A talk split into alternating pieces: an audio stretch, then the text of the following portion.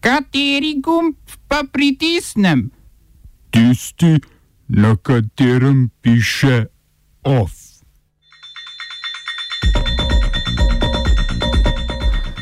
Paragvajci zahtevajo odstop predsednika.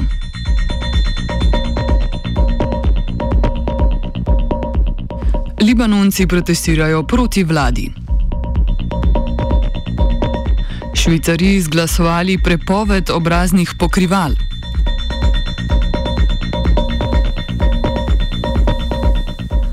V Mjanmaru na poziv devetih največjih sindikatov poteka splošna stavka. Protesti, ki poskušajo doseči ekonomsko ohromitev države in s tem zvišanje pritiska na vojaško oblast, potekajo v dveh največjih mestih, Jangunu in Mandalaju, ter v Monjovi v zahodnem ekonomskem centru. Protestniki so zastavami narejenimi iz ženskega oblačila saronga sočasno počastili tudi Mednarodni dan žena. Ženske res spadajo povsod, tudi na barikade.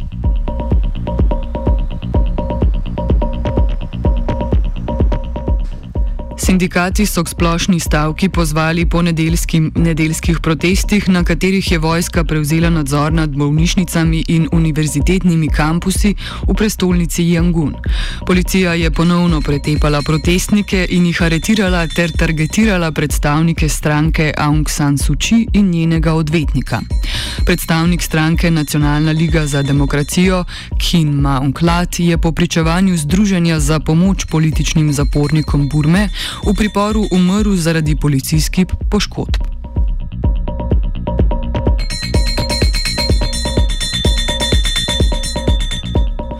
Avstralija je zaradi vojaškega državnega udara prekinila vojaško sodelovanje z mjanmarsko oblastjo.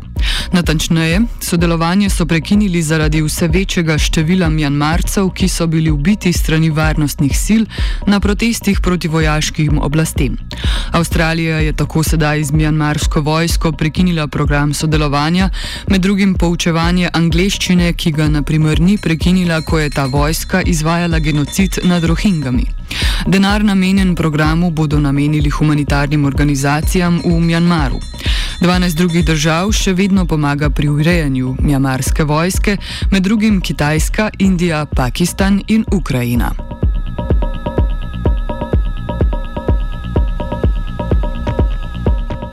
Protestniki zahtevajo odstop paragvajskega predsednika Marija Abda Beniteza zaradi vladnega neodobravanja zdravstvene krize.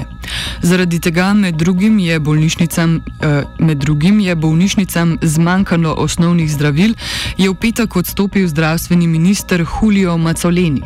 Predsednik Benitez skuša krivdo in pozornost prevaliti na vse ministre, od katerih je tako zahteval odstopna pisma. Odobril je odstop zdravstvenega in ministra za izobraževanje. A med vikendom so se protesti kljub temu osredotočili na predsednikovo kriv, krivdo. Protestniki od kongresa zahtevajo, da predsednika odstrani z položaja ali pa naj ta sam odstopi. Skupaj z opozicijo predsednika Beniteza obtožujejo korupcije pri dobavi cepiv. Država je zaenkrat prejela le 4000 odmerkov cepiva Sputnik.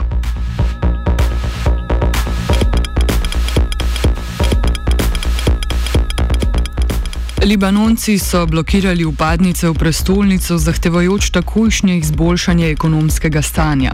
Protesti, ki sporadično potekajo od avgustovske eksplozije v Bejrutskem pristanišču, so se okrepili v torek, ko je libanonski funt dosegel najnižjo vrednost. S tem je sedaj na črnem trgu vreden zgolj 85 odstotkov svoje vrednosti uradnega menjalnega tečaja, kjer pa deviz kronično primankuje. To je v državi, ki je močno odvisna od uvoza, sprožilo dvig cen, zamude v dobavi goriva ter izpade električne energije. Protestniki zahtevajo resne reforme, ki jih lahko odobri le dejanska vlada. Začasni premijer Saad al-Hariri, ki je od oktobra 2019 še ni uspel sestaviti vlade, je v nedeljo zagrozil z odstopom, da bi lahko sestavil vlado. To mu namreč že mesece preprečuje politični nasprotnik, predsednik države Mišel Aoun.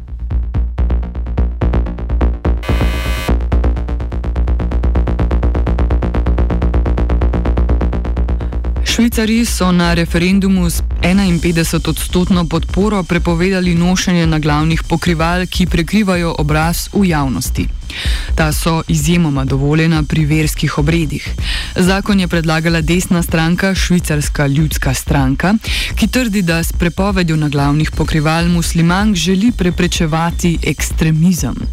Švicarska vlada zakona ne podpira, centralni muslimanski svet pa je napovedal sodno presojo zakona. Zakon sodeč po raziskavi Univerze v Lucernu zahteva okoli 30 žensk, ki nosijo nikab, poleg tega prekrivanje obraza prepoveduje tudi protestnikom. Več o zakonu v offsajdu ob petih.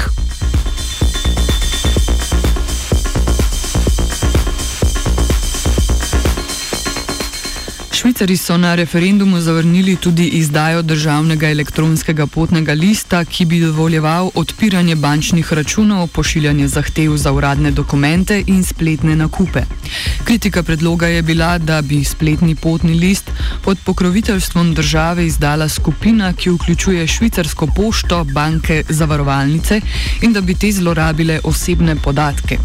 Podprli pa so jo prostotrgovinski, podprli pa so prostotrgovinski sporazum z Indonezijo, torej zmanjšanje carin na izdelke iz Švice ter odpravo tarif na industrijske indonezijske izdelke.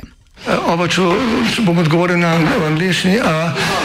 Slovenija bo poskušala pomagati. Slovenija bo naredila svoj utmost, da bo rekla, da je situacija naš problem, ourselves. In da bomo naredili nadaljnje korake, as soon as the conditions are. Bomo vlado Marjana Cererera Šarca podprli.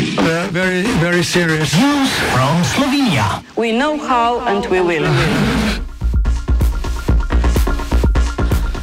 80 odstotkov žensk mlajših od 25 let je zaposlenih le za določen čas. Nezaposlenost žensk je za 3 odstotke višja od moške, razlika med povprečno moško in žensko plačo pa se, v, pa se v Sloveniji zvišuje.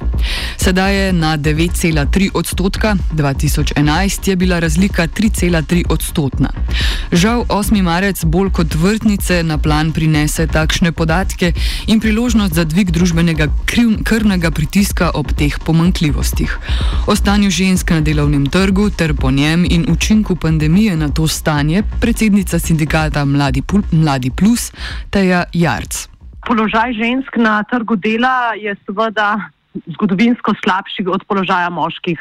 Od tega, da smo pač ja, ženske bolj ujete v neke prekarne oblike dela, um, do tega, da smo seveda niže plačane, ker še vedno obstaja plačna vrzel med spoloma, ki se v zadnjih letih tudi povečuje. In seveda do tega, da tudi ko uh, že nekako izstopimo iz trga dela in pridemo v pokojnino, so torej pač neke uh, pokojnine žensk niže od recimo od pokojnin moških, kar torej v bistvu postavlja ženske v večji riziko in dan današnja statistika kaže, da je v bistvu vsaka peta starejša ženska um, revna.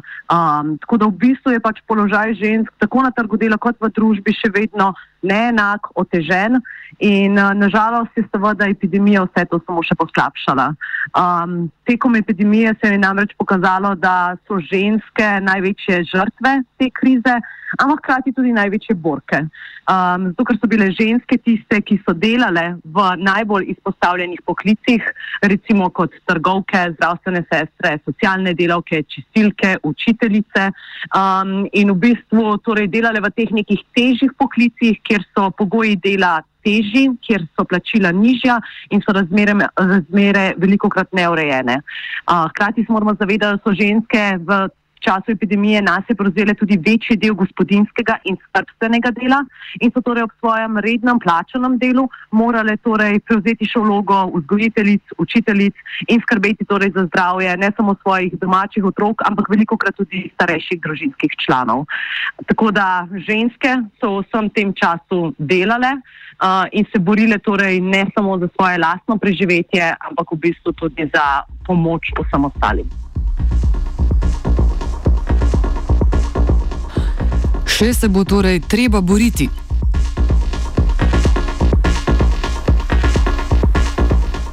Dovolj moči in ustrajnosti za nadaljni boj nam želi avtorica OFA Gea.